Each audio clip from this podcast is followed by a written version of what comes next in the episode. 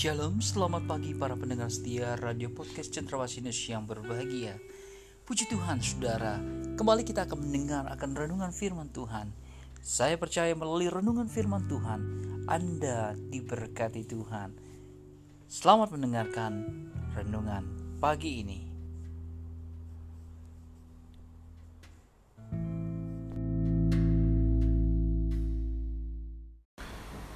Shalom, tidak pernah bosan kita selalu mendengarkan podcast kita. Ada hal yang paling menarik hari ini adalah di mana kita bisa menyaksikan tentang Imlek.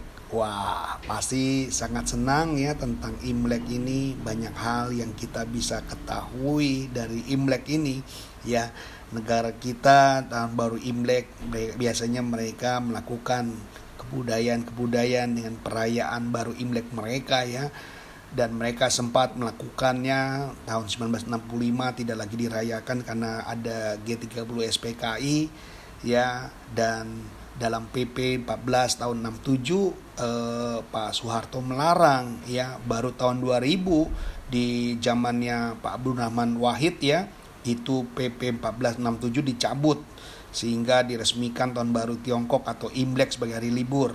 Dan jadi inilah suatu kebanggaan bagi mereka-mereka yang merayakan Imlek ini ya festival musim semi ya di mana-mana negara yang biasanya banyak orang Chinese-nya mereka melakukan ini.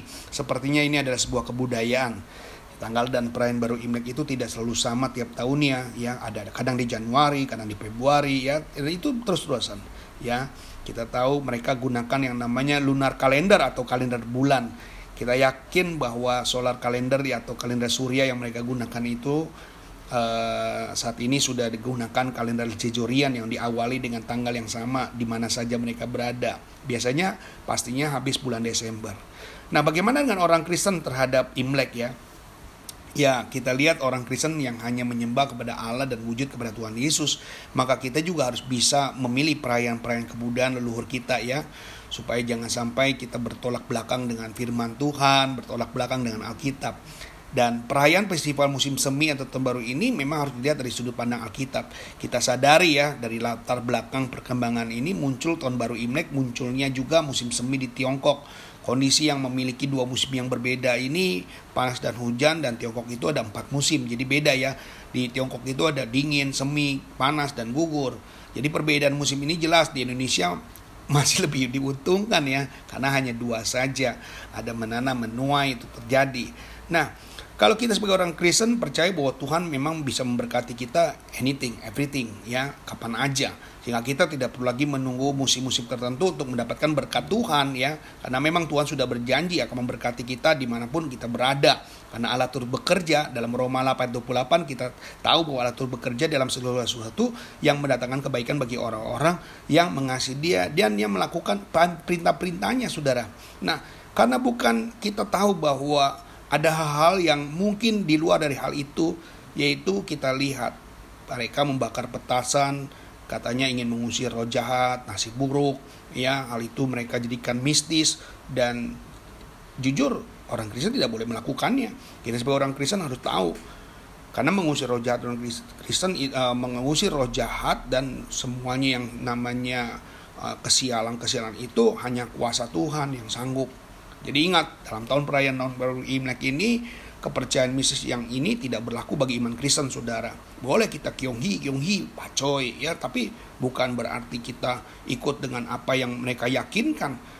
Tidak boleh mandi pada tahun baru Imlek, katanya nggak boleh nyapu rumah, nggak boleh buang sampah. Wah, saudara lihat nggak boleh gunakan benda tajam, nggak boleh memecahkan barang, nggak boleh gunting rambut. Saudara bisa bayangkan kalau lupa mandi ya udah nggak mandi seharian. Kalau nggak mandi ya udah jangan mandi mandi. Apakah ini ini mitos saudara? Mitos perlu diseleksi, perlu diuji. Nah marilah kita lakukan hanya kepada anugerah keselamatan Tuhan saudara. Yang mana yang baik saudara gunakan lakukan. Tapi kalau yang tidak baik lepaskan saudara.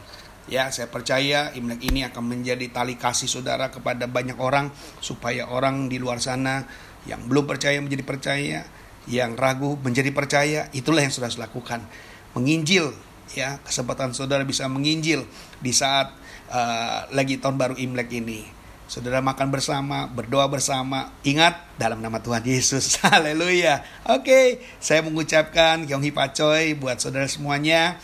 Selamat Hari Raya Imlek. Kiranya Tuhan Yesus memberkati kita semuanya. Jadilah berkat di mana saudara ditempatkan, di mana saudara ditaruh. Itulah janji Tuhan. Saya diberkati, saudara diberkati, Tuhan pun senang. Haleluya. Shalom.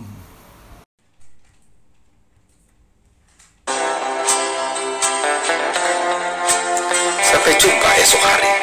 Kiranya damai sejahtera dari Allah Bapa, kecintaan dan kasih karunia Tuhan kita Yesus Kristus, persekutuan serta penghiburan Roh Kudus menyertai kita sekalian mulai hari ini sampai Maranatha Tuhan Yesus datang. Amin.